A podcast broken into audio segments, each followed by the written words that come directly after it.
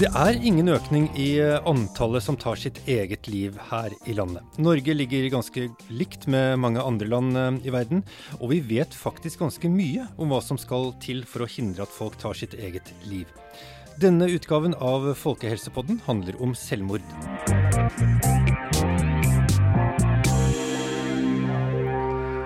I studio denne gang står avdelingsdirektør og forsker Anne Reneflot og forsker Kim Stene Larsen sammen med meg, Kjetil Berg Veire. Og Ari Behns selvmord i jula fikk overveldende oppmerksomhet i media, både i dekningen av eh, Ari Behn eh, som person, men også i form av artikler om selvmord generelt. Og vi fikk jo da mange telefoner. Det har vi fått helt frem til nå om eh, hvor mange som tar sitt eget liv, hvordan er det fordelt mellom de ulike fylkene, hva er fordelingen i alder, fordeling på menn og eh, kvinner osv. Og, og Kim Stene Larsen, aller først, hvor mange er det som tar sitt eget liv i Norge i året? Eh, det varierer litt fra år til år, men sånn i snitt så er det 600 i året. Og omtrent dobbelt så mange menn som kvinner. Er det mye? Det er egentlig ganske likt som det vi ser i nabolandene våre, Sverige og Danmark. Og selvmordsraten i Norge er eh, også veldig på snittet for det du finner i Europa. Og så det, har det jo virket som at, uh, at, det har vært en økning i antallet selvmord de siste årene, men stemmer det? Altså I 2018 så var det flere selvmord enn det vi vanligvis ser. Men eh, det er fortsatt innenfor det vi forventer av naturlig variasjon. Og vi har sett lignende høye tall med jevne mellomrom i løpet av de siste ti årene. Så når du ser hele perioden samlet, så ser vi at, eh, at dette er ikke noe unormalt uh, høyt. Det er ikke noe økning i selvmord i Norge. Uh, ratene har ligget veldig stabilt de siste uh, 17 årene i hvert fall. Anne Reneflot, hva er det vi vet om hva, hva, det er som gjør at folk velger å gå til det drastiske skrittet og ta sitt eget liv? Ja, det er et, eh, et, ganske vanskelig spørsmål, fordi eh, det er så mange faktorer som, eh, som, spiller inn. Men hvis man ser på de viktigste risikofaktorene for selvmord, så er det jo alvorlig psykisk lidelse. Det er misbruk av alkohol eller andre rusmidler. Og, og, særlig høy er risikoen hvis man uh, både misbruker alkohol og, og har en psykisk lidelse. Uh, man ser at tidligere selvmordsforsøk øker risikoen. Det å ha opplevd selvmord i egen familie. Også blant uh, de som er sårbare, så er det en del sånn psykososiale faktorer som kan virke utløsende. Sånn som langvarig stress, brudd i samliv, økonomiske problemer osv. Er det noe som kan forklare denne forskjellen mellom menn og kvinner? Det er, eh, det er vel ikke noe sånn helt enkelt uh, svar på, på hvorfor, menn, hvorfor, det er flere menn som tar livet sitt enn kvinner. Men uh, dels så kan det vel uh, ha sammenheng med kjønnsroller. Altså at menn i mindre grad oppsøker hjelp når de sliter. Um, de velger mer voldsomme metoder når de forsøker å ta livet sitt. Det er flere menn som uh, har problemer med alkoholmisbruk. Så det, det, er kanskje noen faktorer som uh, bidrar til at flere menn enn kvinner tar livet sitt. Mm. Hva er det vi vet om uh, hva som kan forebygge dette med selvmord? Der vet vi en god del. Eh, og spesielt de siste 20 årene så har det vært gjort mye forskning på det. Og i forarbeidet til den nye handlingsplanen eh, mot forebygging av selvmord som kommer nå, så gikk vi gjennom all litteraturen på hvilke tiltak som har dokumentert effekt eh, for selvmordsforebygging. Og da var det hovedsakelig tre arenaer vi fant at var viktige. Og Det ene var å, å eh, sikre god behandling av psykiske lidelser. Eh, det betyr å gi riktig behandling for den psykiske lidelsen du, ha, du, har. Og også oppfølging forut for behandling og i etterkant av ferdig behandling. Eh, den andre faktoren det var dette med å begrense tilgang til metode. Eh, sånn som å sikre bruer man ser at mennesker har hoppet fra, eller å sikre jernbanestasjoner der man ser det har vært gjort en del selvmord. Det er jo interessant at et så enkelt tiltak, også, eh, også psykisk helsehjelp, er jo et ganske komplisert form for hjelp, men mm. å sette opp et gjerde faktisk kan, ja, kan og, forebygge. Ja, og det er jo dette ganske viktige momentet altså med at ethvert selvmord har en ganske stor grad av ambivalens i seg. Altså at Det er ikke sånn at man bare vil dø. Altså Det er en stor del av, de, av deg som ønsker også å leve. Og det er ofte sånn at du kanskje ønsker å slippe unna altså disse mm, følelsene som er eh, for overveldende, eller en livssituasjon som er for krevende.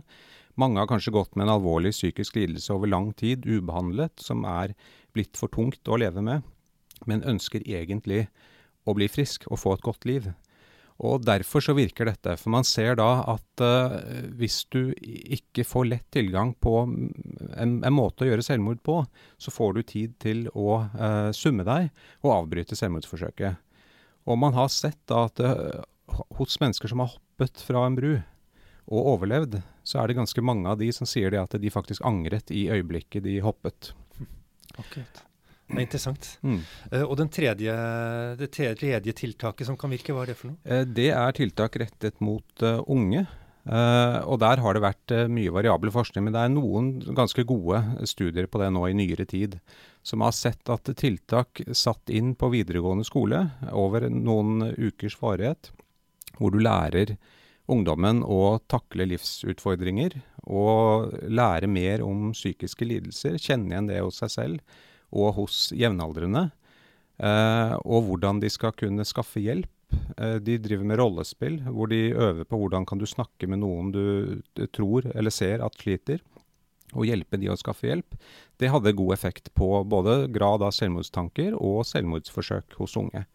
Eh, der trengs det mer forskning på oppfølgingsstudier og sånne ting, men det er veldig lovende, veldig lovende funn. Bør det innføres i skolen i Norge da, eller hva tenker eh, du om det? Jeg tenker det er en viktig arena å satse på. Mm. Og at det er noe man eh, Man bør helt klart ha den tematikken inne i, i skolen, mener jeg. Mm. Anne, nå, eh, nå, har det vært eh, en veldig massiv mediedekning om selvmord etter at eh, Ari Behn døde. Eh, kan det inspirere andre til å ta sitt eget liv, eller kan det forebygge? Altså, man vet at eh, omtale av selvmord i media kan eh, ha en smitteeffekt. Og, og, før 2006 så var pressen veldig Altså de skrev nesten ikke om selvmord. Eh, men etter 2006 så valgte man å lempe på det, men, eh, men da var det med å ha en nøktern omtale av selvmord. Uh, og jeg tenker at uh, Det er viktig å sette søkelys på selvmord. Det er et viktig folkehelseproblem. Det bidrar til mange tapte leveår. Eh, samtidig så må man være varsom med hvordan man omtaler det. For man ser at det å bruke sensasjonspregede overskrifter, det å gå i detalj på metoder, kan eh, føre til en smitteeffekt. Så det er viktig å få frem hele bredden i problematikken, eh, og at eh, det er hjelp å få for de som trenger det, og at selvmord også rammer de rundt den som velger å ta sitt eget liv, og at det er store omkostninger for dem som rammes. Mm. Ja, fordi nå, da er det vel enkelte som har ment at det er nesten litt sånn ja, la oss si glorifisering da, av, mm. uh, av uh, med direktesendt TV av begravelsen til Ari B nå er noe som på en måte kan gi et bilde av at uh, du får et fantastisk godt ettermæle ved å ta ditt eget liv på den måten? Ja, og der tenker jeg at den talen til Maud Angelica også viste nettopp det at uh, hvordan det rammer uh, de som står igjen som etterlatte, og at uh, selvmord ikke er løsningen. Altså at dersom man opplever alvorlige psykiske problemer og, og, ser svart på livet, så er det viktig å også formidle at uh, det er uh, viktig å be om hjelp, at det er hjelp å få, og det er god behandling for uh, psykiske lidelser. Mm. Ja, Så det her er jo veldig mye med måten media omtaler mm. selvmordet på, som du sa? da. Ja, ja. absolutt. Men, men, samtidig så, så, tenker jeg at, uh, at, det er jo fortsatt et felt, media, media og selvmord, som vi uh, mangler kunnskap. Så det, så det, er noe som vi trenger mer kunnskap om i årene som kommer. Mm. Uh, Kim, hva skal folk gjøre når de ser folk, uh, andre venner, familie som har det tungt, tungt rundt seg, uh, og lurer på om det burde de ha snakket om selvmord? Altså, Det er jo ofte sånn at de som kjenner personen best, altså står personen nærmest, er også de som først vil se at noe er galt. Altså De vil se om personen f.eks. har endret humør over tid. Blir mer tilbaketrukket. Er ikke så interessert i å delta på ting den var interessert i før. Og da tenker jeg det er veldig veldig viktig at man tør å, å stille spørsmål. Altså, jeg ser at du ikke kanskje har det helt bra nå, uh, og, og, og, tørre å spørre om det. Og da skal man heller ikke være redd for å spørre om personen har tenkt på å ta livet sitt, eller har hatt den type tanker. For det er ikke sånn at det uh, stimulerer personen til å faktisk gjøre selvmord. Selv om sånne tanker var til stede. Heller så er det, er det motsatt effekt, altså at du, du, reduserer risikoen for selvmord ved å snakke om det.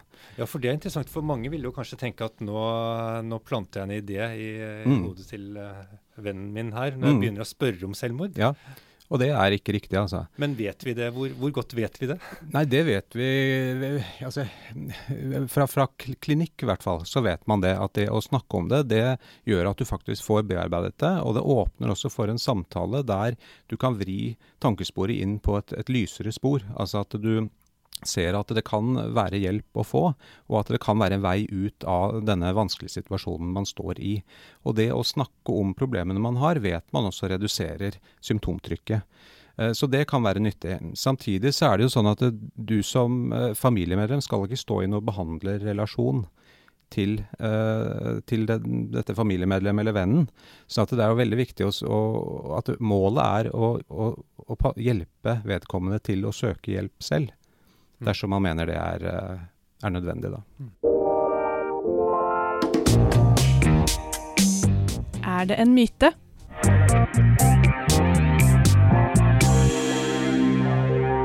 Ja, eh, er det en myte at folk flest tar livet sitt om vinteren når det er mørkt og kaldt ute, eller eh, fordeler det seg annerledes?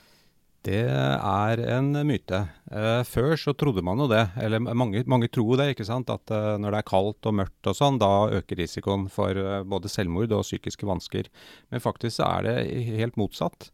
Det er, både, det er på våren og tidlig sommer man ser en økning både i depresjon og i gjennomførte selvmord.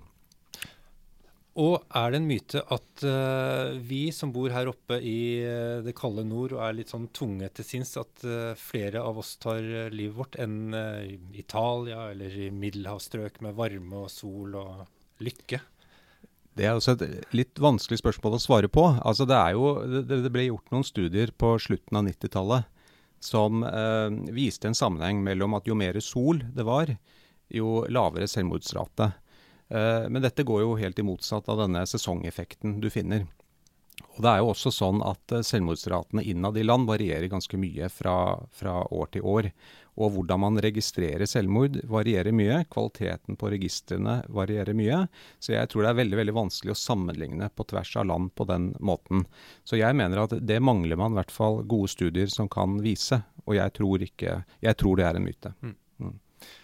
Tusen takk for at dere var med i denne podkasten. Anne Reneflot, avdelingsdirektør og forsker, og Kim Stene Larsen, forsker, begge ved Folkehelseinstituttet. Og jeg heter Kjetil Berg Veire.